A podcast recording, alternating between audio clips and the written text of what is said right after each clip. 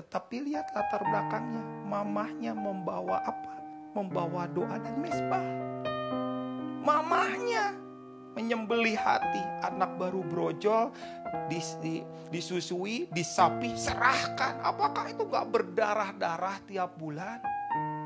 Apakah itu lihat Samuel emang pakai video call? Eh Samuel, kumaha maneh? Kan gak gitu. Gak ada video call. Dan itu dia tersembeli setiap kali dia ingat anaknya Penina. Aduh anakku dia bawa terus dalam doa. Dan itu adalah doa dan mesbah yang terus naik. Ujungnya Tuhan menghampiri Samuel. Lihat. Yang gini-gini saudara. Sangat kental. Di dalam hati tersembeli. Dalam hati terpotong-potong dan dikerat oleh Tuhan. Jadi kalau saudara ngasih persembahan enteng, itu mungkin bukan persembahan sedekah. Karena persembahan itu nggak enteng.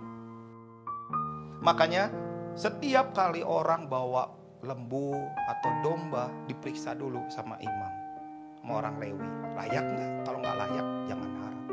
Hari ini ada banyak orang yang ngasih persembahan yang sebenarnya sedekah. Yang bahaya lagi, orang uang yang tercemar uang hasil markup, uang hasil sogok, uang hasil riba, berani-berani ngasih persembahan. Saya katakan itu tidak mengubah